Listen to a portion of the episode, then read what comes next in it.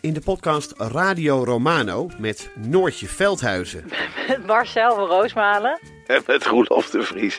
brengen we alle drie elke week een zogenaamde signalering mee. Wat heb jij nou weer bij je? En aan het eind bepalen we wie de winnaar van de week is. Echt een angstcultuur Lege huls die je er bent? Ja, dat gaat eigenlijk altijd onvriendelijk. Luister nu naar Radio Romano bij Podimo. Via podimo.nl slash Radio Romano luister je 30 dagen gratis. Kijk, het gesprek begon ogenschijnlijk over het onrecht dat mensen wordt aangedaan als er zo'n vernietigende recensie wordt geschreven. En wat dat met mensen doet. Ja. Daar leek het gesprek over te gaan. Maar gaandeweg, en dat is dankzij goed redactiewerk van mijn eh, redacteur destijds, blijkt dat die test niet deugt. Via podimo.nl slash gonzo luister je de eerste 30 dagen gratis naar Podimo. podimo.nl slash gonzo.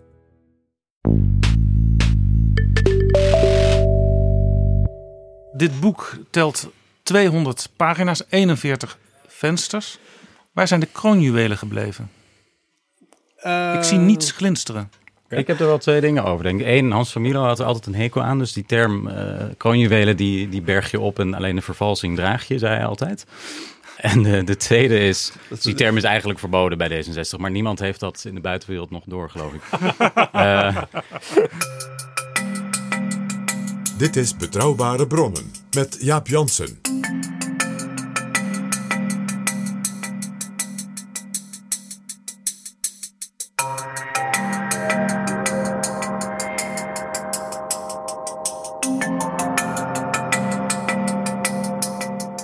Hallo, welkom in Betrouwbare Bronnen, aflevering 60. Zaterdag congresseert D66 en afgelopen week verscheen bij uitgeverij Boom de kanon van het sociaal liberalisme. PG en ik hebben het al gelezen en bij ons zijn de samenstellers. Jaap Jansen en Pieter Gerrit Kroeger duiken in de politieke geschiedenis. Ik ga praten met Koen Brummer en Daniel Boomsma, samenstellers van het boek De Kanon van het Sociaal Liberalisme. En PG Kroeger, de vaste historicus van Betrouwbare Bronnen, praat ook mee. Koen Brummer is directeur van de Meester Hans van Stichting, het wetenschappelijk bureau van D66. En Daniel Boomsma werkte daar tot voor kort ook. Koen was al te gast in Betrouwbare Bronnen aflevering 7 over de nieuwe koers van D66 onder Rob Jette. Waar later ook meer duidelijk over werd in de Kerdijk-lezing. Waar eh, Jette in Betrouwbare Bronnen aflevering 27 over heeft gesproken. Koen is geboren in 1986 en Daniel in 1990. Jullie hebben dus maar een heel klein stukje van de geschiedenis van het sociaal liberalisme meegemaakt. Want deze politieke stroming heeft al een lange historie. Hè? Zeker, ja. Nee, eh Daan is eh, 33 jaar en eh, eh, een, een, een, hele korte periode inderdaad. Eh, wij hebben ervoor gekozen de kanon eh, te laten beginnen bij 1844. Eh, een eh, befaamde toespraak van, eh, van Thorbecke. Eh Thorbecke zelf was geen sociaal-liberaal, maar we hebben er wel voor gekozen om een element uit die toespraak... eh, daar eigenlijk het, de, de, een van de kiemen van het sociaal-liberale denken eh, eh, te laten ontstaan. En dat was de notie dat je mensen zoveel rechten kan geven als je wil, maar als je ze ook niet in staat stelt om daar gebruik van te maken en een zeker emancipatoire gedachten aan je, aan je politiek denken toe te voegen, eh, dat het dan eigenlijk niet zo heel veel zin heeft om alleen maar rechten te geven. Ja, gelijkheid voor de wet is dus eh, eh, iets essentieels. Maar als mensen die gelijkheid niet kunnen waarmaken, dan, dan, dan, dan ben je nergens. Ja, Thorbecke zei in die toespraak, wat is die wetgeving dan tenzij ironie? Het interessante ook bij het liberalisme en ook bij het sociaal liberalisme is dat er, ja, het is eigenlijk een discussie die nooit ophoudt. Dat blijkt ook heel erg uit dat boek, De Kanon. Er is natuurlijk ook altijd discussie, zeker in de, de huidige situatie, waarin je tenminste twee liberale partijen hebt in het Nederlandse parlement. eh, de VVD als oudste en D66 eh, kwam daarbij. Eh, maar er zijn ook liberale aspecten in andere partijen. So- soms zie je liberale dingen bij GroenLinks, bij de Partij van de Arbeid. Zelfs in het CDA zijn af en toe liberale dingen waar te nemen. Maar in de Nederlandse geschiedenis lijkt het wel een beetje alsof eh, het sociaal-liberalisme een soort amendement is, een correctie op het liberalisme van de VVD. Ja, is het ook wel een beetje. Ehm, het lastige is wel, en dat zie je in die kanon ook wel terug, het is ontstaan eh tweede helft van de 19e eeuw. En dan vormt het ook een correctie op het liberalisme, waarvan heel veel liberalen in die periode zeggen: uh, ja, het was ooit uh, macht van de, van de aristocratie bevragen. Uh, spinnenwebben van de tradities wegvegen. een, een, een, redelijk negatieve ideologie. Dus het, het wegnemen van allerlei barrières. En dan evolueert het zo in die tweede helft van de 19e eeuw in iets, iets positievers. de overheid wordt ook wat positiever gezien. Niet als een als een macht die je moet beperken, maar ook een macht die je positief kan inzetten. Um, maar dat is ook wel een beetje misschien wel tragisch. Eigenlijk daarna, uh, zeker na de oorlog in Nederland, uh, raakt dat een beetje ondergesneeuwd. Dat liberalisme als een soort positieve Ehm, nou ja, positieve kracht die dus ook uh, niet alleen vrijheid kan garanderen door afwezigheid van zaken, maar door aanwezigheid, wat Koen net ook zei, de aanwezigheid van, van rechten, nou onderwijs, zorg, noem het maar op. Uh, en die traditie is denk ik een beetje ondergesneeuwd geraakt in Nederland. Zeker na de oorlog. Uh, de VVD nam het, het stokje over. De VDB, de Vrijzinnig Democratische Bond, uh, tot dan toe denk ik wel de sociaal-liberale partij, tot, tot, uh, tot net na de oorlog, in 1946, uh, hield op te bestaan. En de VVD neemt het dan over en vult het eigenlijk weer op een heel ja, ja en de Partij van de Arbeid nam het over. Hè? Want de ja. Vrijzinnig Democratische Bond is gewoon opgegaan in de nieuwe ja, Partij en daar zaten ook elementen van, van dat gedachtegoed in, van dat sociaal-liberale. Um, maar elementen. En zeker niet een, een, een, laten we zeggen, een, een volledige gestalte of iets dergelijks. En als je het zo bekijkt, dan zou je ook kunnen zeggen dat je hebt de Partij van de Arbeid en de VVD na de oorlog.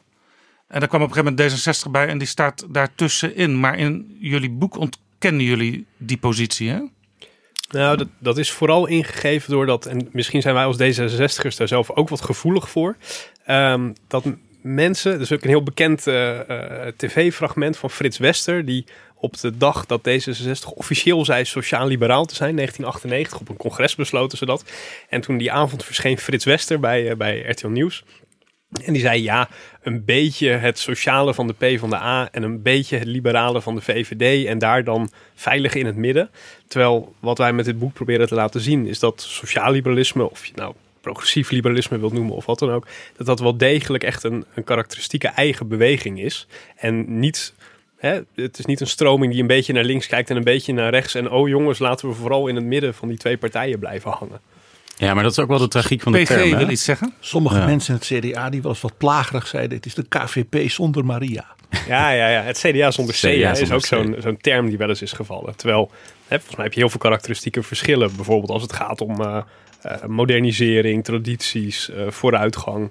Op dat soort eigenschappen, op dat soort punten verschillen we natuurlijk heel duidelijk van karakter. Ja, ja, maar, ja, maar dat, het, eigenlijk is de tragiek van die term ook dat het dus twee woorden in de taalgebruik in ieder geval koppelt die volgens heel veel mensen tegengesteld zijn. Uh, en de tragiek nog eens daarbij is dat hij dus uh, door D66 is aangenomen in, in, tijden van paars. Dus dan heb je al het idee van het paarse mengstokje. Toen trouwens ook nog echt een campagneposter die D66 uh, waarbij dat beeld werd gebruikt. Een, een mengstokje van nou ja, rood en blauw van, van uh, respectievelijk P van de AVVD bij elkaar. Dan krijg je ook uh, D66 en dan ja, corresponderen die dan, termen ook Als je dan de campagnekleur van D66 het groen erbij mengt, dan krijg je een soort raar soort kleur bruin. Ja, dat, dat wil je vertrouwen je op je woord. We hebben het nooit geprobeerd. Historisch is dat ook niet echt een kleur die... Uh... De, de Duitse FDP, die natuurlijk zowel VVD als D66 elementen heeft, heeft dan ook altijd blauw en geel. Ah, ja. als ja. kleuren. Ja. Zodat ze zich daardoor heel nadrukkelijk onderscheiden, zeg visueel, van die zwarten en die roten. Ja. Ja, ja, nou ja, het is nog erger, want ik herinner me een congres in Gouda van D66 waar uh, opschudding. Dat kwam. was dit congres. Dat was een groep uh, jongeren, onder andere Loeswies van der Laan zat daarbij, maar nog veel meer mensen die later uh, rollen zijn gaan spelen in de, in de landelijke en Europese politiek. En daar liep een uh, soort van geel kuiken, was het geloof ik, rond. Uh, om te onderstrepen, wij moeten ook de kleur van de partij veranderen in geel namelijk. Want dat is de internationale liberale kleur. En dan weet iedereen uh, dat D66 nu echt een sociaal-liberale partij is geworden. Ja, klopt. Is ook dus, dus zelfs, een esthetische, zelfs een esthetische strijd moest uitdrukken dat men eigenlijk niet wist wie men was. En toen Van Mierlo die ruimte waar dat kuiken rondliep binnenkwam, trok hij een heel vies gezicht. Dat kan ik me goed Dat voorstellen. geloof ik meteen, ja. Het was, trouwens, het was de Liberal Democrats waren volgens mij de inspiratiebron van die groep toen. Inderdaad, want opschudding heeft die term eh, op het congres voorgesteld. Is, uiteindelijk is er voorgestemd. eh Bos van Ham zat daar volgens mij Ja, en er bij. moest ook nog gestemd worden over de kleur en dat is toen afgewezen. Die is afgewezen, ja. We zitten al een beetje van waar staat D66 nou in het politieke landschap. Jan Terlouw ging het op een gegeven moment als vierde stroming duiden. Dus echt een aparte stroming naast eh, liberalisme, sociaaldemocratie en christendemocratie. Ja, Ja. correct. Hij heeft, hij heeft het ook linksliberalisme eh, een aantal keer genoemd hè, in een toespraak, geloof ik. Ja, hij heeft het op een gegeven moment in, in 73, toen de partij helemaal op zijn gat lag en een jaar later over opheffing zou gaan stemmen, eh, heeft hij gezegd van ja, je moet nu eh, wat sterker gaan zeggen waar je staat in plaats van waar je niet staat. Dat, daar was D66 heel goed in. Zeggen wat je niet bent. En hij zei toen op een gegeven moment in een eerste toespraak als, als nieuwe partij, eh, als eh, partijleider, zei hij. Ehm, zelfs sociaal-liberaal heeft hij toen zelfs in de mond genomen als term. Maar hij vond dat toen, toen vond hij dat nog te, te spannend. Zeker het woord liberaal toen was nog erg VVD-terrein. En hij heeft op een gegeven moment ook nog het woord postsocialistisch eh, gebruikt. Als een soort aanduiding van eh, we, we, we, hebben de, de erf, we zijn eigenlijk erfgenamen van dat socialisme in, Ja, ik herinner in me zelfs Nederland. een Maar boek. Ik weet niet of dat een, meer dan dat. Een, een boek was wat Terlouw had geschreven. Maar daar was een partij en die heette de PSL. De Postsocialistische Liberalen. Ja, ja, ja. ja, Klinkt als een spannend jongensboek van Jan Terlouw. maar niet huis. Ehm, Vervolg op oorlogswinter. Als je nou kijkt, hè, eh, jullie proberen het ook een beetje eh, in de inleiding van het boek eh, te noteren. Wat zijn nou echt de kenmerkende punten, misschien wel door de eeuwen heen, van die stroming die in de 19e eeuw steeds duidelijker werd? Nou, ik denk in de eerste plaats, hè, en dat is ook een heel fijn onderscheid om te maken ten opzichte van de, de partij is al een aantal keer gevallen, de VVD, is dat positieve vrijheidsbegrip. Het idee dat als je iemand voorkomen met rust laat en maar zo min mogelijk je met diegene bemoeit, dat zouden we negatieve vrijheid noemen. Hè? Een soort handen-af vrijheid. Je bent vrij van dwang en dus moet je je eigen leven maar vormgeven. Een positief vrijheidsbegrip, dat gaat meer uit van de gedachte dat je mensen in staat moet stellen om van hun vrijheid gebruik te maken. Dus, Dat ehm, is bijvoorbeeld eh, mensen onderwijs geven. Bijvoorbeeld, hè? iemand die nooit heeft leren lezen is niet daadwerkelijk vrij om een boek te lezen. Eh, dus je geeft mensen instrumenten om, om dat leven vorm te kunnen geven. Eh, dus het, het eerste wat ik zou willen noemen is een rijker vrijheidsbegrip dan in dat, dat klassieke liberalisme. Ehm, maar misschien kunnen we hem, eh, kunnen we hem Ja, heen en weer geven, Daniel. Ja, want- om en om een element. eh, In de inleiding, we noemen er een paar in de inleiding. Dat is helemaal niet volledig. Want het is ook, het is ook typisch natuurlijk voor, voor sociaal-liberalen of in ieder geval D66'ers. Om het niet eh, te strak in te vullen. Van, dit Ja, in zijn die zin wordt. Van Mierlo nog steeds een beetje geëerd. hè? Hij wordt zeker geëerd. Hij wordt ook volgens mij het meest genoemd in het boek. Als je het register raadpleegt. Maar eh, we hebben een aantal... Ik, twee ik vind er een één- register erbij hier Ja, op ik- tafel. ik vind hem één, eh, één vind ik heel belangrijk. Er- eh, die hervormingshouding. Dat klinkt heel eh, ook een beetje, misschien een beetje lief, maar het is wel, het, het, het, het duidt op een houding die niet revolutionair is, maar ook niet, eh, en zeker niet reactionair. Dus die, dat is een beetje de oude tegenstellingen van, van begin 20e eeuw eh, die je hebt gehad. Ja, er is een eh, affiche zit- van de Vrijzinnige Democratische Bond. Daar zie je het schip van staat Precies. koers houden tussen revolutie en reactie. En dat zijn de twee grote rotsen waar ze Ja. tussendoor moeten laveren. Scylla en Charybdis uit het oude. Griekenland. En dat was dus eigenlijk de straat van Gibraltar. Ah, kijk. En ik weet dat Alexander Pechtold bij een veiling het originele exemplaar van dat affiche voor, Ja. ik dacht, eh, 800 euro eh, op de kop heeft getikt. Die hangt nu dat hangt nu ingelijst bij de Tweede een Kamerfractie. fractie, Ja, klopt. Ja. Ja. Prachtig advies. Maar die hervormingsgezindheid, dat is dus ook en een die, die kenmerk. poster verbeeldt dat dus heel goed. En het is, het is wel een tegenstelling die je natuurlijk in het begin van de 20e eeuw, eind 19e eeuw, veel eh, prangender was. Dus communisten, fascisten later ook. eh, maar ook gewoon de echte conservatieve katholieke partijen, eh, de sociaaldemocraten die toen nog revolutionair waren. Heel anders dan nu natuurlijk. Die, ehm, althans, als ik Asscher nu kapitalismekritiek hoor formuleren, dan zit het er misschien weer aan te komen. Maar Maar als je in de gaten. Nou ja, maar ik Maar hoor, het- ik het hoor zit- jullie eigen Rob Jetten ook kapitalisme kritiek formuleren op Ja. het moment. Ja, in die zin, nou ja, dat sluit dat op zich niet uit. Het is hervormingsgezindheid duidt meer op een houding dan op het, uh, dan op het beleid per se. Je kan zeggen van uiteindelijk zit er een misschien wel revolutionair doel achter, uh, verder in de toekomst. Maar het gaat erom of je radicaal van gedachten gematigd van houding bent. En dat zit daar heel erg in, eigenlijk al die sociaal-liberalen in het boekje. Ja, dat, dat is heel erg van Mierlo. Het is een houding uh, het is niet zozeer beleid, het is een houding.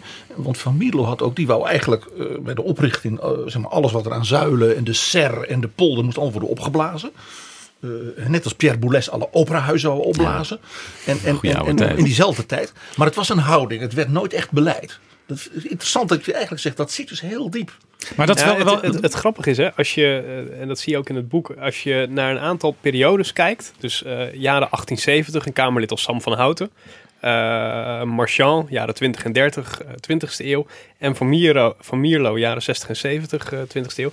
Je ziet dat ze allemaal ten opzichte van revoluties, in welke vorm dan ook. Hè. Bij, bij was dat natuurlijk 1968. Uh, bij uh, Marchand was dat het naderend gevaar van, uh, van, van, van communisten en fascisten. Bij Van Houten was dat de commune van Parijs in de jaren 1870.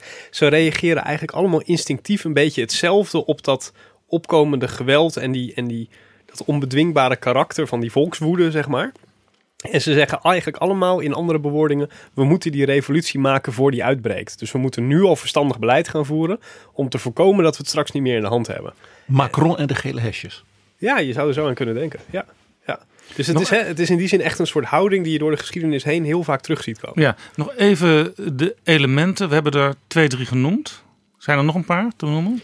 Ja, we, we noemen er heel, uh, wel een aantal. We noemen bijvoorbeeld ook een internationale houding. Hè? Dat spreekt ook uit dit boek. Dat je ziet dat uh, uh, veel internationale ontwikkelingen, ontwikkelingen een plek krijgen in dat Nederlands politiek denken. En geen grenzen, geen nieuwe grenzen, zoals bijvoorbeeld Vorm voor Democratie en PVV willen. Ja, zeker. Absoluut. Ja, en nog een heel belangrijk is doorbreken van vastgeroeste machtspatronen. Uh, dus het, echt het, het, uh, nou ja, het, het, element van het, het uitdagen van, van de zittende, van de status quo. De zittende ja, dat valt politieke in macht. Uh, daar wordt de wens om tot paars te komen, voordat paars er was, niet zozeer als een soort anti-CDA-idee gebracht, maar meer vanuit het idee. de Christen-Democraten zitten al 70, 80 jaar op het plus. Ja. Dat is ongezond voor een democratie. Dus je moet af en toe wisselen. In Nederland, als je met coalities werkt, je moet af en toe wisselen van combinatie. Ja, precies. En het leuke, dat is dan weer het, het, sympathieke volgens ons aan zo'n, aan zo'n, aan zo'n misschien een beetje een gek historisch ding als zo'n kanon is. Je ziet dan ook dat, uh, ik zit nu even te kijken waar die staat. Misschien weet jij het meteen, Daniel. Maar de mislukte progressieve kabinetsformatie van Dirk Bos in 1913. Uh, daar zie je eigenlijk een soort vergelijkbaar patroon van ook weer de, de macht willen doorbreken. En uh, nou, in dit geval dan met, met, met, met, met minder succes dan bij Paars. Maar ja. Je ziet dat in die Nederlandse politiek vaak dat soort momenten weer, weer terugkomen. Ja, ik vind dat een van de heerlijkste. Ik vind dat het mooiste venster misschien wel. Er zit een prachtige uh, plaat bij van een um, Dirk Bos, toen de VDB-leider, die danst met een, een, vrouw met rood haar en een rode jurk. dat is de STAP. Nee, dat is Marianne. Dat is Marianne. Marianne van de Franse precies. Revolutie in 1848. Ja, maar symbool voor in ieder geval in Nederland dan de STAP. Ze heeft ook de Frigische muts van de Franse Revolutie op. Ja, nee, die, die, die tekening is prachtig. Ja, en dan zegt Troelstra, die vindt het onzedelijk, staat er dan onder. Uh, en dan zegt een ander Kamerlid, geloof ik, ik ben even de naam kwijt, zegt ach, dat is de gewoonste zaak van de wereld. Met andere woorden, de revolutionaire sociaaldemocraten en die sociaalliberalen, die kunnen nog best wel eens uh, met elkaar wat moois bereiken. Misschien moeten we trouwens weer wat vaker gaan dansen met de Sociaaldemocraten. Ja. Dat is trouwens leuk als je oude Kamerdebatten leest van 100, 150 jaar geleden. Die waren vaak heel sprankelend en, en tot de verbeelding sprekend. Totaal niet saai, zoals je misschien vanuit het nu zou denken. Ja, we hebben allemaal heimwee. Nou ja, ik, ik, vertelde onlangs over de Safon en Lohman, die als man van in de tachtig nog het woord werd ontnomen door de Kamervoorzitter, omdat hij een communist een schobbejak had genoemd in een interruptie. En, en, toen heeft hij dus een, een soort excuusbrief aan de communisten moeten schrijven. En die vonden de communisten zo mooi, want die man kon prachtig schrijven, dat ze hem hebben toegevoegd aan de handelingen als, als eerbetoon aan deze man van in de tachtig. Die zich zo heerlijk had vergeten. Daar had een enorme polemische aard. En dat wist hij van zichzelf. Dus hij had ook echt spijt. Op het eind van ons gesprek heb ik nog een paar vragen over het, hoe het D66 van nu zich verhoudt tot die kenmerken van het sociaal liberalisme die jullie in het boek beschrijven. Maar ik ben even benieuwd. eh, het boek ligt nu voor me, de kanon van het sociaal liberalisme, uitgegeven bij uitgeverij Boom. Daar staan 41 vensters in.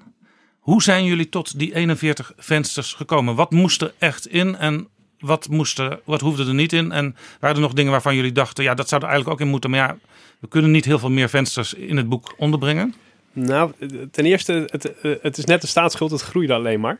Ehm, nee, we, zijn begonnen met eigenlijk een best, wel- best wel academisch verantwoorde eh, middag in het academiegebouw in Utrecht. Waar we best wat eh, verstandige mensen, historici, eh, oud-D66'ers, we zien het allemaal maar, eh, bij elkaar hebben gezet. En ze allemaal eens hebben laten reflecteren op een periode van hun expertise. Van wat is nou volgens jullie dan sociaal liberalisme in zo'n bepaald tijdsgevricht?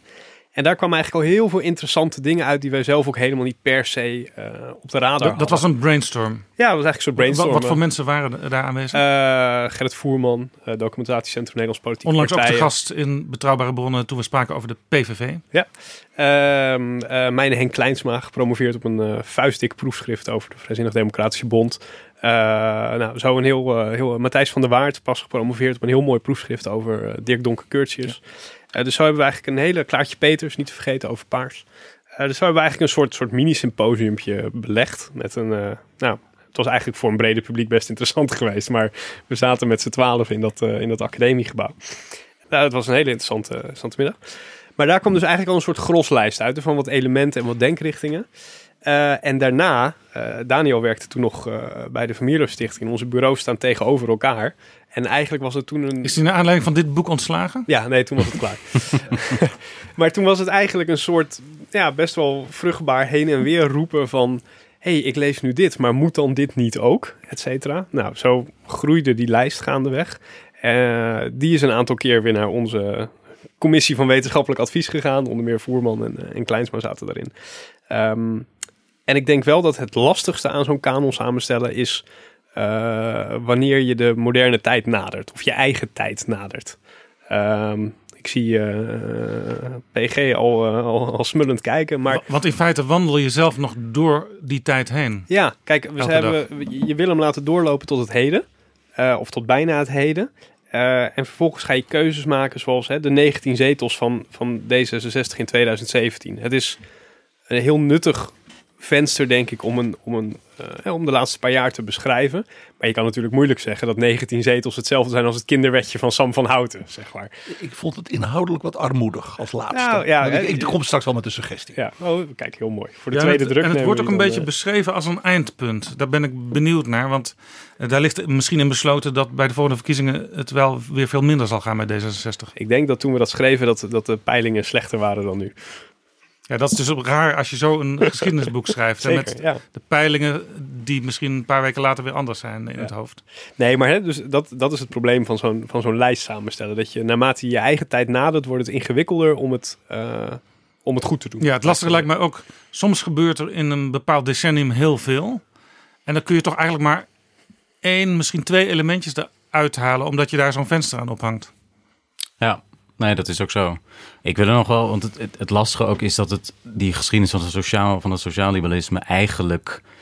Ik, je hebt een liberale boek, je hebt, je, je hebt hem in, in brede zin, is er van alles over geschreven. Ja, er is hier een boekje. Maar je bent hem eigenlijk aan het uitvinden terwijl je schrijft. Hè? Is dat een is boekje het lastige. uitgegeven door de Telder Stichting, de, de collega's van, de, van jullie van de VVD. Oh, Ja. zij. In 2011, dacht ik.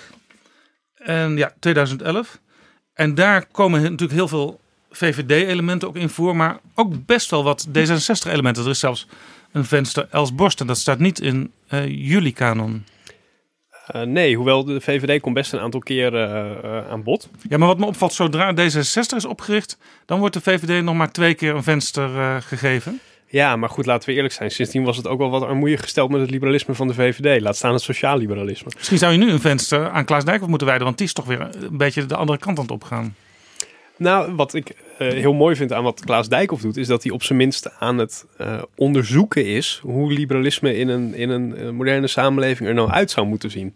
En dat is een beweging die volgens mij toch een aantal decennia eh, eh, niet te zien was bij de VVD. Dus alleen daarom vind ik dat wel heel interessant, zeker. Nou ja, je moest, als je last had van visie, dan moest je naar de oogarts. Exact. Volgens de minister-president. Ja, nee, maar daarom, dat, dat maakt het heel interessant, zeker. PG, in Betrouwbare Bronnen, aflevering 41, bespraken wij de Nederlandse kanon zoals die in het onderwijs gebruikt wordt. Wat valt jou op in deze kanon van het sociaal-liberalisme? Nou, ik zou bijna zeggen, Jaap, uh, hoeveel uur hebben we? Uh, want ik, uh, ik vind dit echt prachtig wat ze gedaan hebben, deze heren. dus hulde aan de heren, hulde ook aan dat comité van meedenkers en zo. natuurlijk heel veel dank opnieuw aan uitgever Boom om zoiets te doen. Aneel, de omslag, ja, daar word ik helemaal gelukkig van. Een foto van het paleis van Volksvlijt, waarboven dan een ballon zweeft.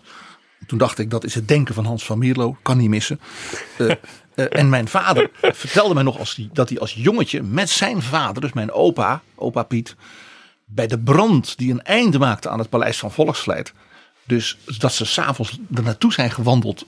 Eigenlijk heel, nou ja, Amsterdam, dat uh, van die tijd die avond vrij had, zal ik maar zeggen, liep daar naartoe. Er tienduizenden mensen dus hebben staan kijken hoe het paleis van Volksvlijt helemaal afbrandde. Wauw. Dus, dus, dus nou ja, de, de, de, bovendien, het verwijst ook naar een element in het boek wat straks zal aanstippen, wat mij bijzonder bevalt. Ja, dat paleis voor Volksvlijt, dat is niet zomaar gekozen. Hè? Samuel nee, Safati, nee. Die, uh, die wordt genoemd in het boek. En dat paleis, dat was eigenlijk een idee van de uh, gegoede burgerij. Samuel Safati was arts en ondernemer. Uh, er is te veel armoede nog steeds in ons land en in onze stad Amsterdam. Uh, wij gaan het volk verheffen en daar bouwen wij een paleis voor. Een paleis voor het volk was heel bijzonder gedacht in die tijd. En dat was een klein beetje plagiaat van prins Albert, de echtgenoot van koningin Victoria. Want die bedacht de, de Great Exhibition Waarbij dus alle nieuwste, wij zouden nu zeggen, innovaties wereldwijd. Om te beginnen natuurlijk uit het Empire. Is daar de Royal Albert Hall van gekomen? Die is naar hem vernoemd. En uh, dat is, was een, een gebouw dat helemaal ook eruit zag zoals het Paleis van Volksvlijt in Amsterdam. Was ook helemaal van glas en, en, en, en, en staal. Is ook verbrand. Want dat soort gebouwen bleek dus zeer kwetsbaar. Uh, er is ook zo'n gebouw gemaakt in Wenen, bijvoorbeeld. Uh, dat was dus een tijdje mode, ook dat vorsten dan wel uh, rijke weldoeners als Sarfati zoiets bouwden. Maar de oorspronkelijke idee en ook de hele gedachte erachter om dus alle nieuwe ideeën, inspiratie uit heel de wereld, want dat was het bijzondere, bij elkaar te brengen. Zodat de jeugd ook geïnspireerd zou worden om ja, te gaan ondernemen, te gaan leren. Dat kwam van Prins Albert. Maar goed, dat was, nou ja, dat, was denk, dat was denk ik, weten we niet waarschijnlijk, maar dat was geen sociaal-liberaal? Dat was een enorme sociaal-liberaal. Oh. Uh, Prins Albert was een enorme innovator. En was, dat zoals de Britten wel eens zeggen, de beste koning die we nooit hebben gehad. Dus die mag in, het volgende, in de volgende druk? De internationale versie gaan we hem opnemen. Ja, maar jij, jij, was, jij was dus al blij sowieso dat er een kanon kwam. Ja. En uh, met, meteen ook met die voorkant. Ja, die, die omslag die sprak mij gewoon persoonlijk aan. Maar uh, de VVD heeft ook zoiets gedaan, 2011. Het CDA heeft een soort fotoboek gedaan, ook in 2011. Met per foto een soort korte beschrijving van wat zie je hier uit de historie. Uh, nou, ik wou eigenlijk alle partijen, dus ook de Partij van de Arbeid, GroenLinks, de ChristenUnie, de SP, laten die ook zo'n kanon van hun ideeën. Uh, het CDA bestaat volgend jaar 40 jaar. Dus Rutger Ploem, partijvoorzitter van het CDA. Dit is een uitdaging. Maak een nieuwe. En ik heb daar een reden voor. En dat is het burgerschapsonderwijs. Er is in Nederland flink wat discussie. Wat moeten we onze jongeren nou vertellen? En dan zeg ik, wat moeten wij onze nieuwkomers, onze inburgeraars vertellen? Als je die op deze manier kan laten zien, de wortels van de tradities, de politieke uh, uh, positieve rivaliteit tussen partijen, waar dat vandaan komt, dan is dat buitengewoon inspirerend. Ja, en zeker als je, als je om politieke redenen gevlucht bent uit je land, dan is het interessant om te zien dat ook in Nederland uh, een eeuwenoude discussie gaande is over wat is democratie, wat moet de politiek doen. En dat soms ook partijen daar heel erg in uh, geëvalueerd zijn. En dat je dat ook kunt doen zonder elkaar kapot te maken. Burgeroorlog, geweld en dergelijke. Precies. Uh, dus ik vind het ook in dat opzicht vind ik een boek als dit een geweldige bijdrage aan zeg maar, het denken over burgerschap. En zelfs ook voor de docenten die vol burgerschap uh, onderwijs moeten geven. Het tweede reden van die waarom ik hulde wil brengen is een inhoudelijk aspect van deze kanon. En dat is, ze kijken echt naar de historie en de wortels dus in de historie van deze stroming. En met name, je had het al even over Sarfati. Uh, die 19e eeuwse wortels, waarbij ze zich bij de liberalen als het ware voorbij Torbekke gingen. Uh, van Houten, Treup, terecht dat hij daar aandacht voor is. Pierson, in belangrijke mate ook. Nou, we hadden het al over de, de pogingen kort van de Linde. Dus al die mensen die misschien een beetje vergeten zijn in een aantal opzichten. Uh, als vernieuwers komen aan de orde. En, en, noem ik één iemand heel in het bijzonder. En uh, Jaap, jij snapt waarom. Willem Hendrik de Beaufort. De man van de vredesconferenties. Die koningin Wilhelmina de voet dwars zette. En zei we gaan wel met de tsaar van Rusland. Uw achterneef niet, zijn, niet de oom van Wilhelmina zoals in het boek staat. Een achterachterneef. Wij gaan met hem samen proberen ontwapening en vrede in Europa te brengen. Wilhelmina wou dat helemaal niet. Heeft zelfs geweigerd het Vredespaleis te openen. Ze hebben haar gedwongen. Willem Hendrik de voor zijn woning in Den Haag. Daar heb ik een klein zolderkamertje waar ik mijn boeken zit te schrijven. Ah. Dus dat is, dat is extra leuk. Maar dat is zo iemand die dus van grote betekenis is geweest. Uh, en die dus hier ook in een soort rij van gelijkgestemden uh, naar voren wordt gebracht. En dus ook de thema's die jullie noemen. Ik zou daar nog één ding extra willen noemen. Heel kenmerkend voor die stroming in de tweede helft 19e eeuw is aandacht voor extreme modernisering van de infrastructuur. Cornelis Lely zat in dat kabinet. Ik had dus verwacht dat dat een venster zou zijn geweest. Ja. Die moderne infrastructuur, spoorwegen, kanalen, de, de, de, de, de, de afsluitdijk en alles. Dat was typisch iets vanuit die positieve overheidsgedachte. Uh, laat ik zeggen, en dat is begonnen, dat moet je ook toegeven, met Torbekke zelf. Torbekke was de man van de spoorwegen. Ja. En daarin is hij ook de brug tussen dat meer nachtwakerstaat liberalisme, constitutionele liberalisme, en deze stroming. En dat zou je ook door kunnen trekken naar de huidige tijd, waar bijvoorbeeld het Kamerlid Jan Paternotte pleit voor Schiphol in zee als nieuwe constructie. Ik, ik zie twee, Cornelis uh, Paternotte. Ik zie twee uh, belangrijke toevoegingen voor de volgende commissie van wetenschappelijk uh, advies. Jaap en PG aan boord. Tweede element waar ik op wil wijzen, jij had het daar ook al even over. Het gedeelte zeg maar na de Tweede Wereldoorlog is ook in een aantal pagina's beduidend korter dan het gedeelte van zeg maar de 19e eeuw en de, de eerste helft van, van de 20e eeuw. Maar dat kun je ook wel prijzen dan misschien omdat je, juist omdat wat Koen zojuist zei, in de huidige tijd, ja, dat sta je misschien te dicht op om het goed te kunnen wegen. Ik begrijp dat wel, toch kritische kanttekening. De hele periode van de wederopbouw met het nieuw inrichten van de economie de polder, de ser, mensen als Tinbergen, Witteveen en dergelijke. Als je dit, de kanon van het sociaal liberalisme, heel serieus neemt, is het sociaal liberalisme toen gewoon in een soort dementiecoma geweest. Want toen, daar hebben ze niks aan gedaan. En dat vind ik opvallend. Maar Witteveen was een liberaal. Ja, dus, ik, dus ook die, laten we die, zeg maar, hoe dat dus, zeg maar, de liberalen als Witteveen, die zich door een New Deal, en door Keynes en door die modernisering, en een beetje door de sociale marktwirtschaft van van Ludwig Erhard liet inspireren. Dat is helaas een beetje weg hierin. Ja. Dus daar zou ik echt iets aan doen. Ik, ik, ik snap het. Aan de andere kant, eh, je zegt net, het sociaal liberalisme was in die periode van de wederopbouw een beetje, hè, uh, stond op stil. Ja. Dat is ook wel hoe wij dat bespraken eigenlijk. Uh, hè, dat het ook wel, volgens mij schrijven we ergens letterlijk, het verdween even van de radar. Hè? Het raakte dakloos, omdat die PvdA ontstond natuurlijk vanuit die wederopbouwgedachte, doorbraakgedachte. Uh, maar werd al heel snel toch een klassieke sociaal-democratische partij. Die VVD begon nog als een club mensen die wat te rechts en te liberaal waren voor de PvdA, maar eigenlijk een vrij gematigde liberale partij. En die werden al heel snel behoorlijk conservatief. Ja, want ik vind altijd het, het komische in de historie van die eerste naoorlogse jaren dat Pieter Oud zowel uh, de Partij van de Arbeid mee heeft opgericht als de VVD ja, heeft opgericht. En een oud VDB'er was natuurlijk. Uh, die overigens hartstochtelijk pleitte voor het referendum. Uh, oud, dat is ook grappig om, uh, om te zien. Iedereen mag een fout maken. nou ja, iedereen heeft recht op goede dingen uit het verleden. Maar ehm, dat is dus, dat is dus in, in die zin, hè, dat sociaal liberalisme raakt, raakte dakloos.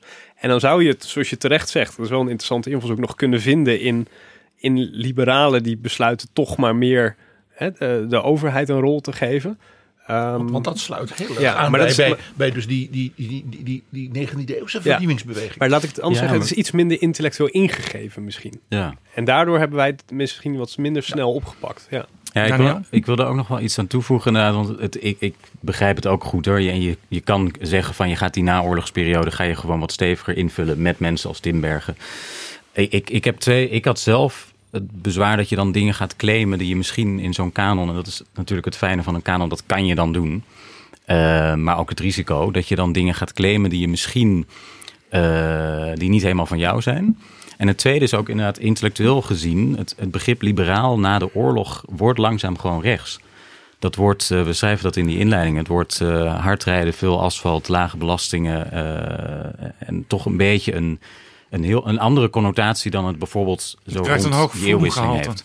Het krijgt een hoog vroemgehalte, ja. En die tijd is binnenkort voorbij, hè? allemaal honderd. Ja, dus je kan hem in retro-perspectief van je zeggen, ja, maar dat is eigenlijk, kijk, Cornelis Lely uh, zette een traditie in en dat kan je eigenlijk dan ook zien in de naoorlogse wederopbouw. Je kan ook zeggen dat waren de christendemocraten en de sociaaldemocraten, die toen ook een stuk groter waren partijpolitiek gezien.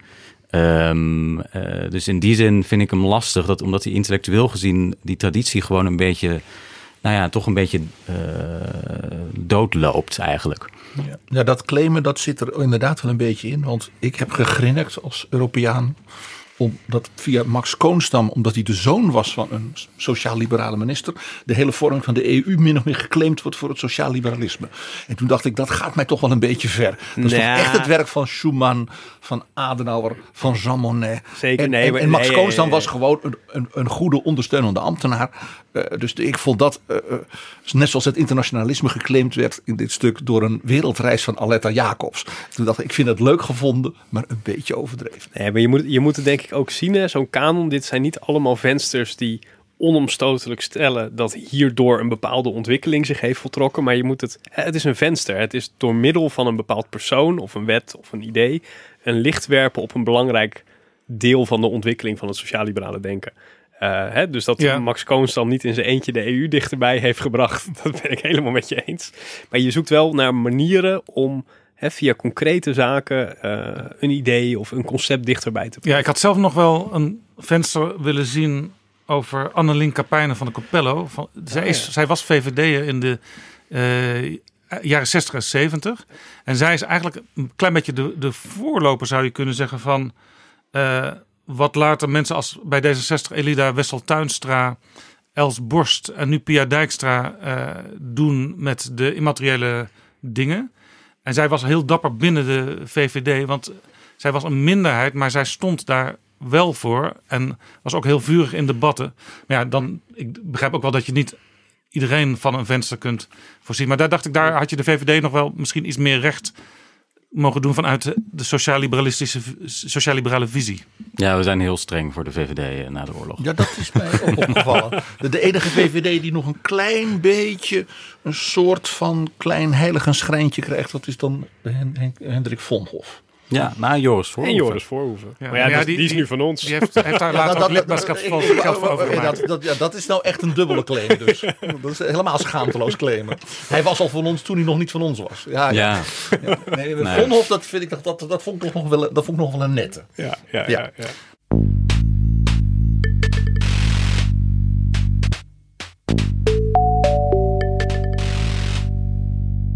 Dit is Betrouwbare Bronnen een podcast met betrouwbare bronnen. En ik praat samen met PG met Koen Brummer en Daniel Boomsma, samenstellers van het boek uitgegeven door Boom, De Kanon van het Sociaal Liberalisme.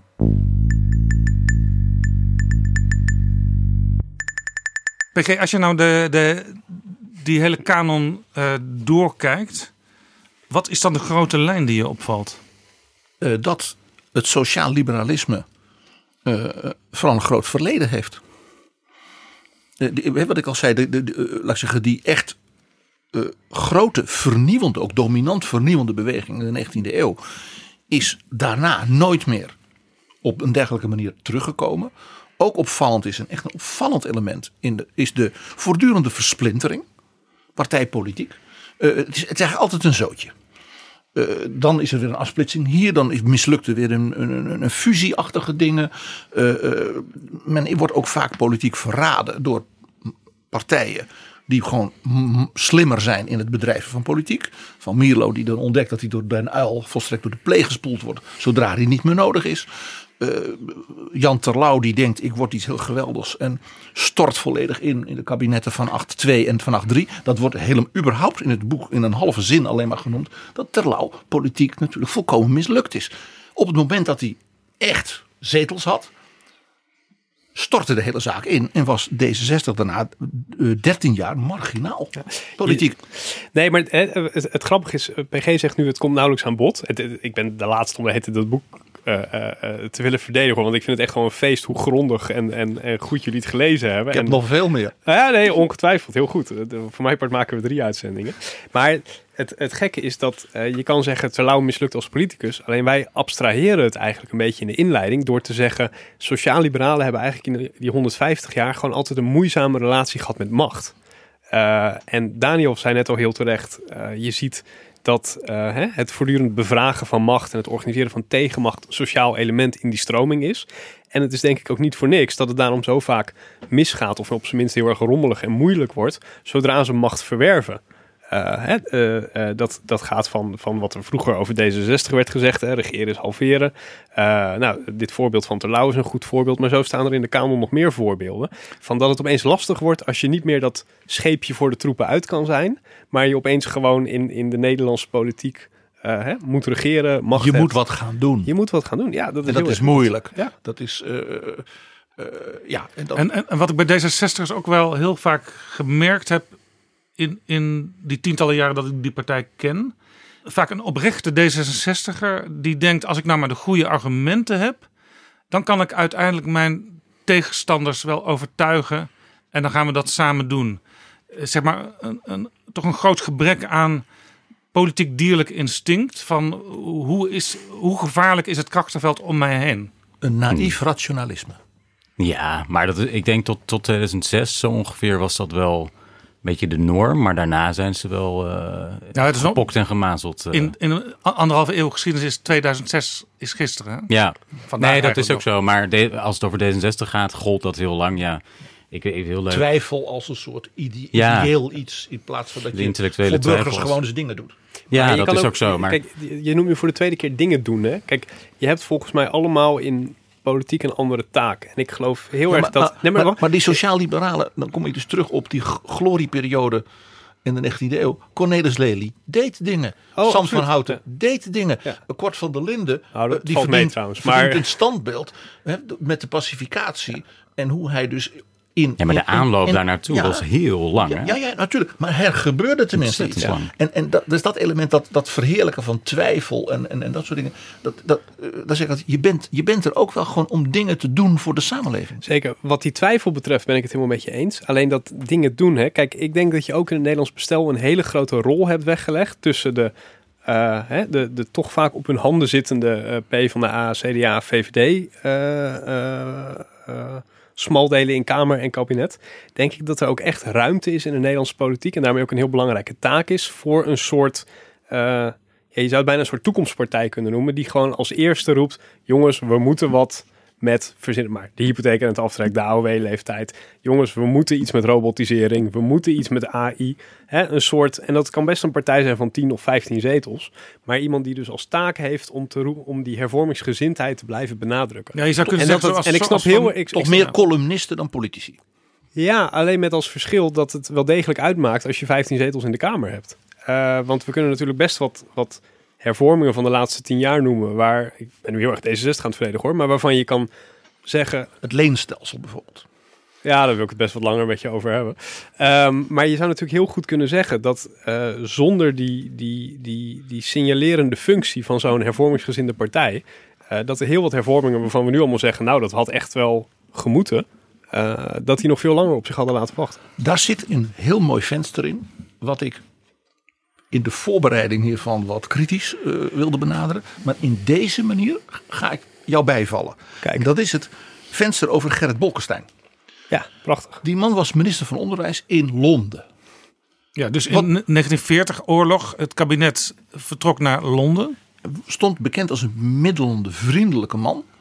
Maar op één ding spijkerhard als het ging om tegen het nationaal socialisme. Dus hij behoorde in zijn bemiddelende rol in dat kabinet Gerbrandi tot de mensen die zei we geven nooit op. Heel bijzonder. Maar wat moest die man als minister van Onderwijs doen? Die had niks te doen. Wat ging die doen? Die is dus in Engeland en in Amerika gaan rondkijken bij onderwijsvernieuwers. Wat er gebeurt in het beroepsonderwijs, wat er gebeurt in persoonsvorming.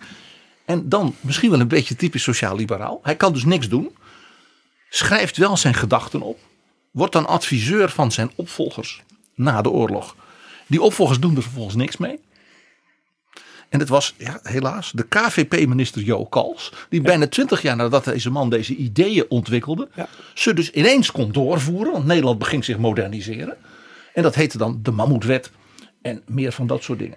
En dat vind ik dus wel een interessante insteek. Maar vandaar dat ik wat ondeugend zei. Meer columnisten dan politici. De man was als minister dus. Kon hij in de omstandigheden dat hij had niet veel realiseren. Eh, en het duurde dus twintig jaar. Maar toen gebeurde het wel. Ja. Dus Ja, dat als is wel dat je politieke, dat als dat een een- interessante Dat is natuurlijk een prachtige politieke erfenis ook. Ja, maar, maar lastig om daar een eh, duurzame politieke stroming op te bouwen in electorale zin. Want de mensen herkennen het op een gegeven moment niet meer als iets afkomstig uit die sociaal-liberale stroming. Want op een gegeven moment hebben anderen het overgenomen en die realiseren het. Ja, dat, dat is voor een deel waar. Aan de andere kant zou ik ook zeggen... ehm, hè, ehm, dit was heel lang van D66 een probleem. Ik denk nu eigenlijk dat het een beetje een probleem van allen aan het worden is.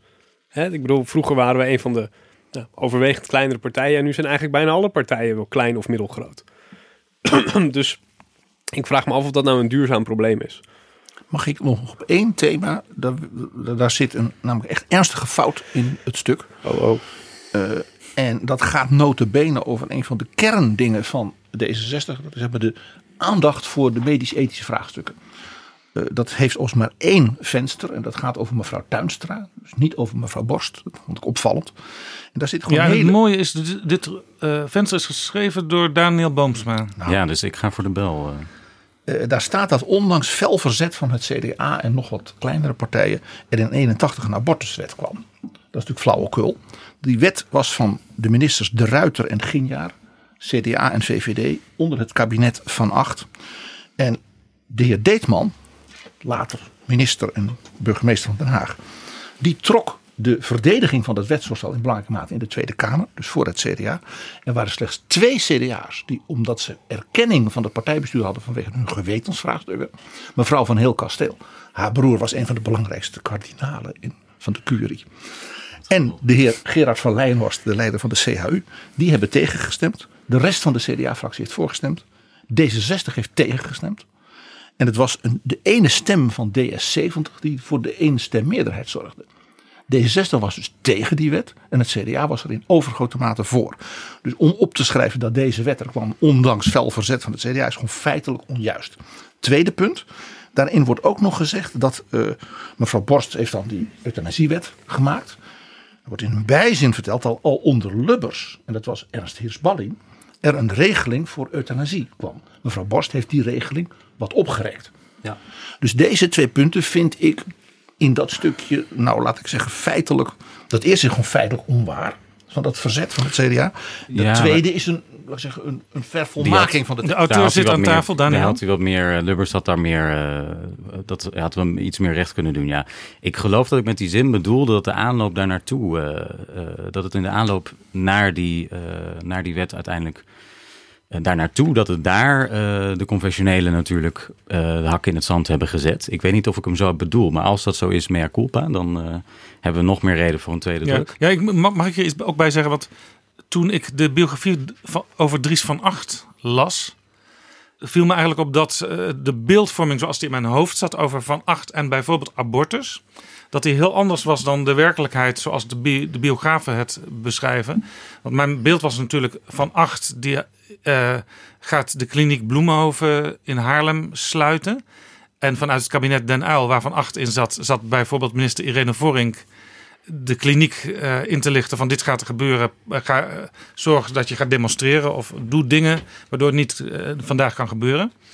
Maar ondertussen was Van Acht wel bezig met wetgeving die in de Nederlandse geschiedenis wel als enigszins vooruitstrevend gezien kon worden. Nou ja, de wet van de Ruiter en Genjaar, ik noem ze toch maar een keer met, met ere, is daarna nooit meer gewijzigd. Ook niet door D66, ook niet in de paars. En vandaar dus dat ik zeg van, kijk je kunt zeggen de confessionelen waren vroeger, waren dus tegen abortus provocators, maar dat waren Ja. ze in de 19e eeuw al.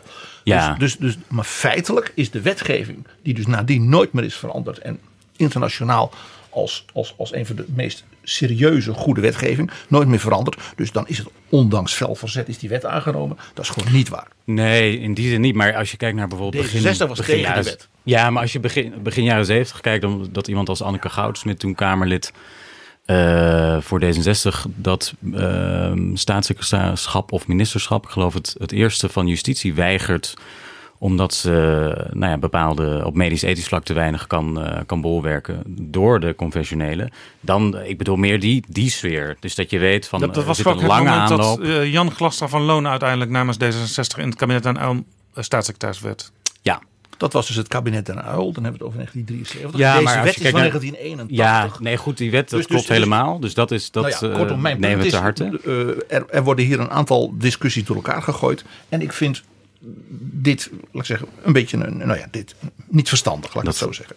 Tweede druk eh, gaan we. eh, En dus we eh, ook nog aan. even genoteerd, eh, dankzij PG, dat eh Ernst Berlin al bezig was met een eerste wetgeving in zaken Die euthanasie. is ook gerealiseerd. En, en het tweede Paarse kabinet heeft dus eh, tien jaar later die wet nog wat opgerekt. En dat heeft men vervolgens gebracht als een ja, enorme doorbraak. En wat dan niet.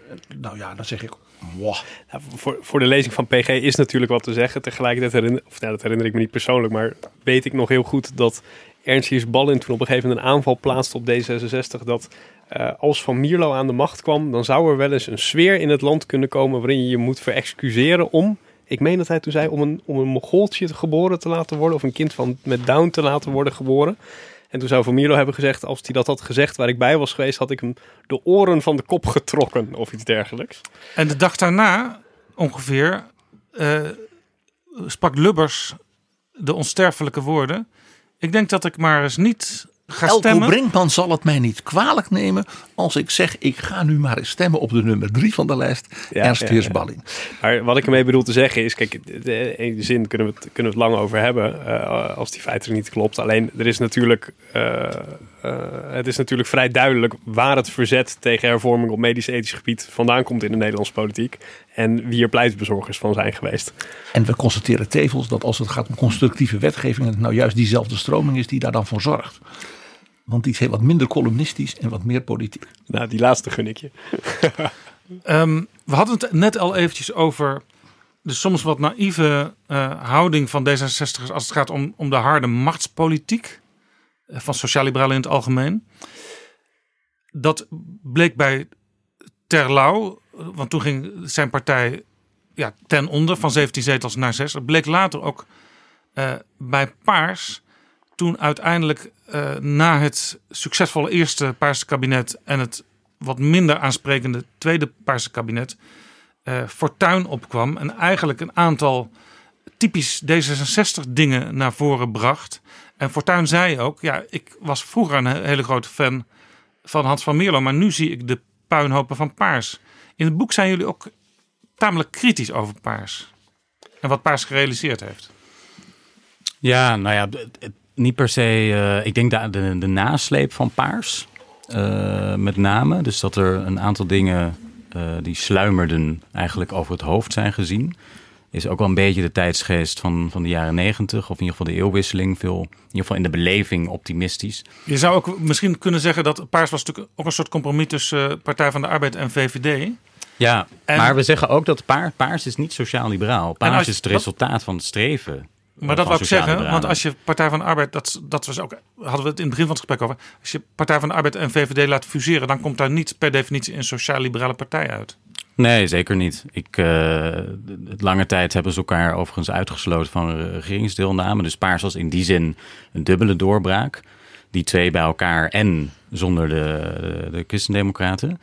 Ehm, maar het, het, het, het Paars is het resultaat geweest wel. En dat, dat mag je trouwens, daar mogen we Hans van Mierlo wel eh, nou ja, alle lof voor geven. Of in ieder geval, hij heeft het wel bewerkstelligd. Als hij het niet had gewild, dan was het er ook niet gekomen. hij heeft, Bolkestein hij heeft echt Kok daar persoonlijk een, een forcerende rol in Ja. gespeeld. Ja, met de vuist op tafel. En anders was het er zeker niet gekomen. Nee, het interessante is, ik vind dus volkomen terecht eh, wat het boek onderstreept, dat, dat Wim Kok en Frits Bolkestein beide een nou, politiek net niet een horreur hadden van iets paarsigs, maar het zat er niet heel ver vandaan. Ja. En grappig genoeg, dit was natuurlijk een tweede keer dat een winnende, electoraal winnende D66-leider zoiets deed. Want het was natuurlijk Terlouw die Van Acht en Den Uil min of meer dwong samen te gaan. Ja. De prachtige uitspraak van Dries van Acht dat toen Terlouw met het idee kwam... als je nou alle twee niet in het kabinet gaan zitten. De twee, de twee lijsttrekkers en partijleiders moesten er niet in het kabinet gaan zitten. Waarop Dries van Acht toen in de fractievergadering van het CDA zei... de optie niet acht, niet uil. Wij mogen wel ons talent, doch niet onze naam aan de nieuwe coalitie geven. Maar- en dat, het knappe is natuurlijk geweest van Van Mierlo... dat hij begreep dat hij een Wim Kok... als daar dan niet natuurlijk uit buiten het kabinet kon gaan laten... hoewel Kok natuurlijk bij de verkiezingen verschrikkelijk verloren had. En andersom was het zo dat was dat... tactisch veel slimmer dan Terlouw. Ja, er is nog een moment geweest dat Van Mierlo dacht... ik ga net als Frits Bolkestein... blijf ik in de Tweede Kamer... om de kleur van die partij eh, stevig eh, op te poetsen. Net als eh Pechtold dus. En daar heeft Wim Kok echt even zijn best gedaan... van dat gaat niet door, Hans van Mierlo... want jij bent zo'n beetje de bedenker van dit hele projectje. Ik wil jou bij mij in de buurt hebben. Ja, en daarom werd hij buitenlandse zaken. Zodat hij heel veel ver in het buitenland was. Maar ik denk, ik, over paars nog even. Want ik, ik denk dat dit is ook die, de reden dat die kanon denk ik ook nuttig kan zijn voor D66'ers vandaag. Je zit nog heel veel in, heel erg in die sfeer dat die term duidt op paars. En die, eh, dat de betekenis daarvan eigenlijk zoiets is als een paars kabinet en het beleid dat daar werd gevoerd. Eh, het is een heel eh, een, een kabinet dat heel erg ook in die tijd past. Dus het is ook een historisch moment. Het is niet zozeer sociaal-liberaal. Maar in die zin, en wat PG net ook zei over begin 20e eeuw, eh, toen die sociaal-liberalen nog echt een vernieuwende kracht in zich hadden. In die zin is het ook wel een soort wake-up call van kijk nou wat, wat breder. Eh, kijk niet taalkundig naar die term, die heel erg is van hardvochtig eh, vrijheid met een doekje voor het bloeden. Dat is het niet. Kijk maar naar die geschiedenis. En in die zin is het ook wel een soort correctie op dat, op dat tamboureren op, op paars als, als definitie. Inderdaad, dat, dat mengstokje waar we het eerder over hadden van VVD en PvdA bij elkaar. Dat is niet de kern ervan. Het is wellicht het resultaat van, inderdaad, van, van doorbreking van macht. Maar het is inhoudelijk absoluut niet hetzelfde. Nee. Nee, het is heel interessant. Eh, eh, ik heb het voor mezelf in kleine streepjes eh, bij de voorbereiding. Want wat, wat, wat staat in de kanon daarover? Nou ja, de grote sociaal-economische hervorming, de verzorgingsstaat. Ja, daar was Paas niet voor nodig. Want dat had Lubbers allemaal al gedaan. Paas ging eerder door in kritiekloos marktdenken. Als het ging om privatisering van publieke diensten. Toen dacht ik, nou begrijp ik waarom de naam Hans Weijers in de hele kanon niet voorkomt. Ook opvallend, er wordt op gewezen op de Nacht van Wiegel. eh, Dat de democratiseringsagenda van D66 eigenlijk tot niks leidde in acht jaar. En dan wordt het, als het om bij andere zeg maar, grote wetten wordt gesproken, gesproken over bescheiden ambities. Toen dacht ik nog even, D66, de onderwijspartij, leverde toen een staatssecretaris, Aad Nuis. Waarvan we eigenlijk alleen nog weten dat hij de conservatoria aan de kunstacademies bijna kapot maakte met bezuinigingen. Dus, nou ja, kortom, in zekere zin vind ik het. Zie je maar echt, zo'n boek voor ieder wat wil. Ja, je, je ziet dus, dus die, die, ik vind dus die wat nuchtere benadering van wat is daar nou echt gerealiseerd. Naast het symbolische aspect van dat dus die partijen met elkaar samengingen. Nou, dat vond, toen dacht ik van nou, ja, vond ik, ik, vond dat, ik vond dat heel eerlijk. Zo maar je, zou natuurlijk heel goed kunnen zeggen... de grootste prestatie van Paars is dat, dat, het, dat het er is geweest. Dat het bestond. Ja. En, dat, en, Geen doodgewoon kabinet. ja, en het belang daarvan moet En niet dus had Wim Kok wel gelijk. Het feit dat het wel gewoon was, was de prestatie. Ja. En niet dat, het, dat men riep, eh, eh, en zelfs nu nog sommigen, in een soort golf van nostalgie. Waarbij men dus ook nog roept dat men allemaal een geweldig veel dingen heeft gerealiseerd. En jullie wat ontnuchterend zeggen, wow, valt wel mee. Precies. Eh, Wat mij ook opvalt, en dan gaan we naar het heden. Er is veel aandacht in dat sociaal liberalisme door de decennia heen.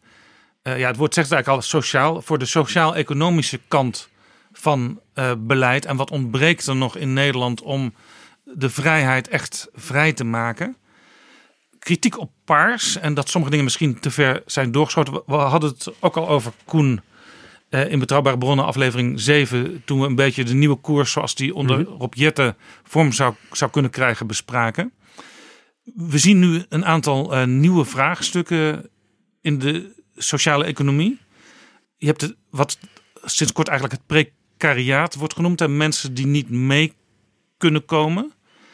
En de bovenlaag, de elite, die de wereld afreist. eh, die hoog opgeleid is, die vaak ook goed verdient of in, als student in de toekomst hoopt goed te gaan eh, verdienen.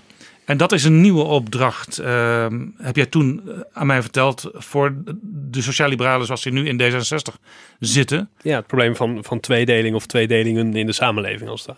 Ja.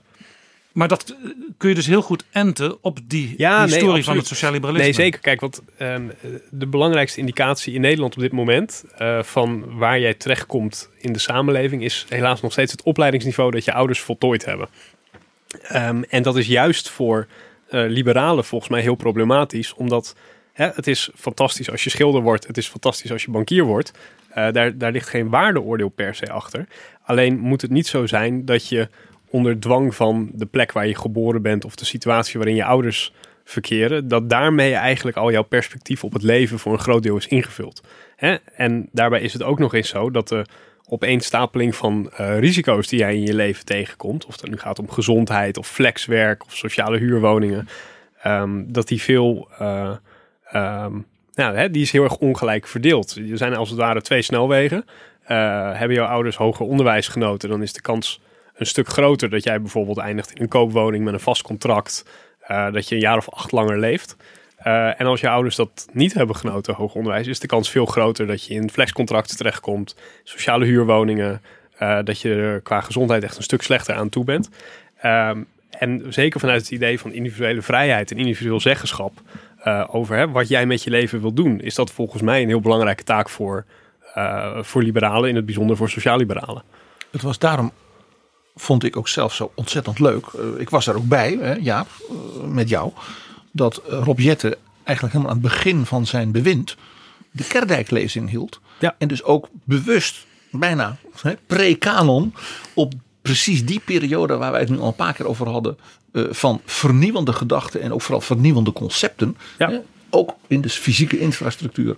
En wij zouden nu zeggen de kennisinfrastructuur. En we zouden zeggen digitale infrastructuur. Wat we, waar we het nu over hebben. eh, Dat hij van daaruit begon te redeneren. En wat minder vanuit, ik zal maar zeggen, de twijfel en de kroonjuwelerige eh pareltjes. Nou ja, volgens mij hebben we ook echt in die zin staan we wel in een politieke traditie. En je kan het eindeloos hebben over hè, is D66 precies sociaal-liberaal en wat hoort erbij en welke partij is dat nog meer en zo. Maar eh, volgens mij is het bij Rob wel zo dat hij zich in die politieke traditie voelt staan. Eh, en daarom kwam hij volgens mij ook met dat verhaal. Wat, wat, eh, Ja, wat ik ook wel, ik was daar best wat ik ook wel leuk over, ja. vond of interessant vond in het boek is dat eh, een beetje vergeten episode uit de recente geschiedenis. Tegen 2006 speelde dat Boris Dietrich die nam toen heel even de leiding van D66 over. Dat is op zichzelf geen succes geworden, maar hij heeft toen wel een ehm, pamflet geschreven dat heette Op weg naar nieuwe solidariteit. En dat was eigenlijk ook een van de bouwstenen waar je nu op verder zou kunnen bouwen.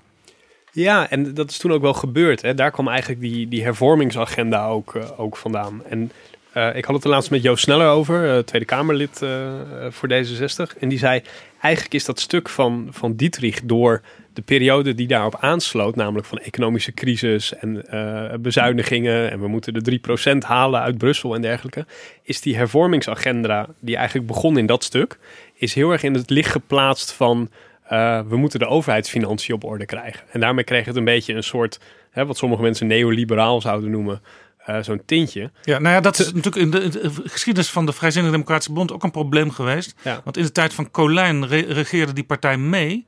En Colijn le- legde natuurlijk enorm de nadruk Ja. op bezuinigen en de gouden standaard. En veel minder op de sociaal-liberale dingen. En de maar minister van Financiën was P.J. Oud. De, Maar wat de, ik- de VDB-man, Ja. oprichter van de Ja. PvdA, Samen met Marchand oprichter en van de VVD. En, Maar en ik- burgemeester van Rotterdam. Wa- Wat ik ermee wilde zeggen is dat eigenlijk die hele hervormingsagenda begon natuurlijk niet om de overheidsfinanciën op orde te krijgen. Maar die begon vanuit de gedachte eh, het verschil tussen insiders en outsiders eh, bestrijden. Het verschil van, de, van kansen in de samenleving aanpakken. Dat was de reden waarom die hervormingen eh, werden opgesteld. En dus die zijn dus eigenlijk een beetje in een gek daglicht komen te staan door ja, hè, een episode die de hele wereldgeschiedenis, eh wereldeconomie in zijn greep hield. Daniel? Ja, nee, wat Koen zegt, en ik het ben ik ook mee eens, dat is ook, eh, dat is ook waar. Ik denk wel voor D66 heel nu heel belangrijk is, omdat je simpelweg die agenda hebt gerealiseerd, grotendeels, of dat die nog deels in de stijger staat, dat je moet afvragen of je daar nog naar moet gaan, of die periode nog voldoende inspireert. We hebben het heel veel gehad over die. Ja, ik ben het heel erg met PG eens, die begin uh, 20e eeuw. Ik denk dat er best wel wat parallellen ook te trekken zijn met die periode. En dat die, dat ook de reden is dat die Kerdijk-lezing van, van Rob zo resoneert. Niet alleen het tweedelingsvraagstuk, dus maatschappelijke scheidslijnen, misschien zelfs vorm van klasse, uh, waar grotere, grotere verschillen ontstaan. Ook in Nederland, traditioneel toch een redelijk uh, egalitair land. Maar ook op democratisch gebied, nog los van welke hervorming je wil, daar nou ja, dat toch een soort van een strijdgebied wordt. Van hoe moet die democratie verder? Functioneert die voldoende of niet? Er is net een staatscommissie geweest die daarvan alles heeft voorgesteld. Ik denk dat die periode veel interessanter is om naar te kijken, ook voor, voor, voor het heden. Um, en misschien is dat ook wel een leuke suggestie. Er staat een kabinet der sociale rechtvaardigheid in deze kanon. Van, van Pierson, Nicolaas Pierson, de broer van Allard Pierson trouwens, um, de kunstenaar. Um, misschien wordt het wel eens tijd voor een nieuw kabinet der sociale rechtvaardigheid. Om wat krachten die echt willen vernieuwen en die ook wat radicaler durven te denken om die een keer bij elkaar te brengen in zo'n kabinet. Uh, de actualiteit uh, biedt alle gelegenheid ervoor. De partijpolitiek misschien uh, wat minder, al zal die versplintering ook om meer Wat zijn de drie, vier dingen die zo'n kabinet moet regelen? Sociaal-economisch denk ik de dingen die Koen net noemt. Dus die, de tweedelingsvraagstuk om daar een agenda op te stellen. Het, het, kabinet van de sociale rechtvaardigheid begon bij de Liberale Unie ook met een soort pamflet van die partij, toen de grootste liberale partij, waarin een aantal radicale sociale uh, voorstellen werden gedaan. Erfrecht moest op de schop, arbeidersklasse moest veel meer voorzieningen krijgen om uit die achtergestelde positie te, te komen. Past dat toe op het Nederland van nu, waar je ook een onderlaag hebt, een precariaat, uh, de werkende armen. Het SCP schrijft daar rapporten, na rapport na rapport over. Um, dat is één. Twee, wat mij betreft, democratie. Uh, en ik heb nog wel een derde. Uh, ja. Eindelijk is weer een serieuze visie op wat publiek en wat privaat is. En wie er dan vervolgens ook de zeggenschap heeft over die publieke. En zaken. dus ook een correctie op het paars. Misschien wel, ja, zeker. en ook, wel, ja. vooral ook vanuit het idee dat je uh, over publieke zaken ook publiek moet kunnen beslissen. Eén voorbeeld waar we het vaak bij de Familiestichting over hebben gehad, zijn die klimaattafels. klimaatbeleid is ongelooflijk belangrijk, begrijp me niet verkeerd. Alleen het is wel een manier het is op een hele polderachtige manier gerealiseerd. Uh, terwijl uh, het eerste echt inhoudelijke Kamerdebat erover volgens mij nog plaats moet vinden. Onder leiding van de sociaal-liberale Ed Nijpels. Ja, nou ja, het, zijn hem gegund en uh, complimenten voor zijn inspanningen. Maar ik zie toch liever dat bij dit soort publieke vragen ook publieke antwoorden worden geformuleerd. En er was aan al die klimaattafels natuurlijk van de ANWB tot, tot, tot wat dan ook was present. Maar er is volgens mij geen burger gesignaleerd aan al die klimaattafels. Het gaat misschien wat ver hoor, maar, want uh, we praten over een historisch boek. Maar ja, jullie zijn ook allebei afkomstig van de Van Mierlo Stichting. Als je nou zo'n kabinet der sociale rechtvaardigheid projecteert in uh, 2021, uh, zijn daar dan ook al partijen bij te bedenken? Gaan nou, we formeren aan tafel. Ja, dan gaan we formeren. Ja. Kwartetten nou, al Wouter Bos. Ja, goed. Het, het zal... ik, zou, ik zou het vooral zo niet doen. Nee. nou ja, kijk, het is, we, we zeiden natuurlijk al... PG, je... ik dacht dat ik nieuws kon maken. Nou, dit is ook al nieuws. D66 wil niet kwartetten zoals Wouter Bos. Ja, ja nou, vooral uit onze mond is dat echt nieuws. Nou, kijk, hey, je kan natuurlijk een heel debat gaan voeren of de VVD daar wel of niet bij moet. En of de PvdA daar wel of niet bij moet. Als je nou eens gewoon zegt dat je alle constructieve krachten bij elkaar wil brengen. Ja, en dat er misschien minder Pierson en meer Kort van der Linden. Want ik ben dat kabinet Pierson, ik zou het van harte aanbevelen. Hè? Ja. Dus uh, paternotte die zich aan Lely moet spiegelen. Uh, ja, nee, ik meen dat serieus. Ja. Maar bijvoorbeeld ook zo'n de, de Beaufort. Als je kijkt naar de spanning in de wereld. Sjoerd Sjoerdsma als de Beaufort. Ja, zo, zo, dat idee van Den Haag, stad van vrede en recht. Uh, waar ook de Nuclear Summit een tijd geleden was. En wie moet er dan volgens jou PG een wereldreis gaan maken? even denken, Pia Dijkstra. De wereldreis van Pia Dijkstra. En, uh, en, en, dan, en dan eigenlijk een kabinet Kort van der Linden dat dus die pacificatie doet. Want dat idee van we gaan een aantal van die dingen regelen. Dan heb je misschien wel juist zo'n wat polderende coalitie nodig. Ja, waarin dat een Troelstra en de Savan in Lohman de echte doorbraken ver, veroorzaken. En dat waren beide geen sociaal-liberalen. Dan hebben we toch voor de komende acht jaar eigenlijk al twee kabinetten geformeerd. Tot slot nog één vraag. Uh, dit boek telt 200 pagina's, 41 vensters. Waar zijn de kroonjuwelen gebleven? Ik zie niets glinsteren. Ook het Europese referendum niet. Niets glinsteren, maar wat bedoel je dan? Bedoel je waar de, de klassieke D66 kroonjuwelen zijn gebleven in het boek? Ja, die hebben geen prominente plaats gekregen. Die staan wel in het venster Nee, over maar- D66. eh, Ja, die staan in benoemd. D66, in paars worden ze genoemd. Genoemd. Ja, ja. Ja, twee we dingen. kunnen ze niet realiseren in een boek. Hè? Ik heb er wel twee dingen over. Denk. ik. Eén, Hans van Milo had er altijd een hekel aan. Dus die term eh kroonjuwelen, die, die berg je op en alleen de vervalsing draag je, zei hij altijd. En de, de tweede is, die term is eigenlijk verboden bij D66, maar niemand heeft dat in de buitenwereld nog door, geloof ik. Eh, en het tweede is wel, ze worden wel genoemd, ook in Paars inderdaad, PG noemde het al, eh, bij de oprichting van D66. Eh, je had nog een venster over Marchand, de, eh, de vrijzinnig democratische leider in het begin van de 20e eeuw, kunnen werd- doen over werd- het referendum. Maar, maar die werd katholiek. Die werd dat katholiek. is wel een, kanon. Maar die kroon, ze lopen er eigenlijk wel doorheen. Maar ik denk democratische vernieuwing als idee, dat die op verschillende manieren tot uiting komt. Eh, alleen die, die, die specifieke voorstellen, om die nou te verheffen tot uitgangspunten, dat is een beetje te veel van het goede, denk ik. En Tot- ja, ik zit nu ook te bladeren, maar ze staan ook bijvoorbeeld in het stuk over paars. Eh, de nacht van Wiegel stond symbool voor de democratische hervormingen, waar niets van terecht kwam tijdens de paarse kabinetten. Dus ik bedoel, het gaat volop over die, ik- ik wist over die kroonjuwelen. Die wat ontnuchterde blik in dit stuk op paars, dat, daar is dit een van die eh, elementen van. Zeker. En het, het feit dus dat het met die kroonjuwelen maar, kroonjuwelen maar nooit wilde lukken. Denk ook even Tom de Graaf in Balken en de Twee. Eh, eh, dat is, had misschien best ook een punt kunnen zijn. Laat ik eindigen met een citaat uit 1844, waar het boek ook ongeveer mee begint. Van de liberaal Thorbecke. Door jullie niet een volbloed sociaal liberaal genoemd, maar hij had wel zeker sociale eh, elementen in zijn beleid. Hij zei: Eén jaar wisselt in de maatschappij staat, volkenomgang en wetenschap zoveel af als tevoren tien of vijftig. Er is meer dan voorheen in de wereld te doen. Dank jullie wel voor dit gesprek. Koen Brummer, Daniel Boomsma en ook PG. Dit is Betrouwbare Bronnen.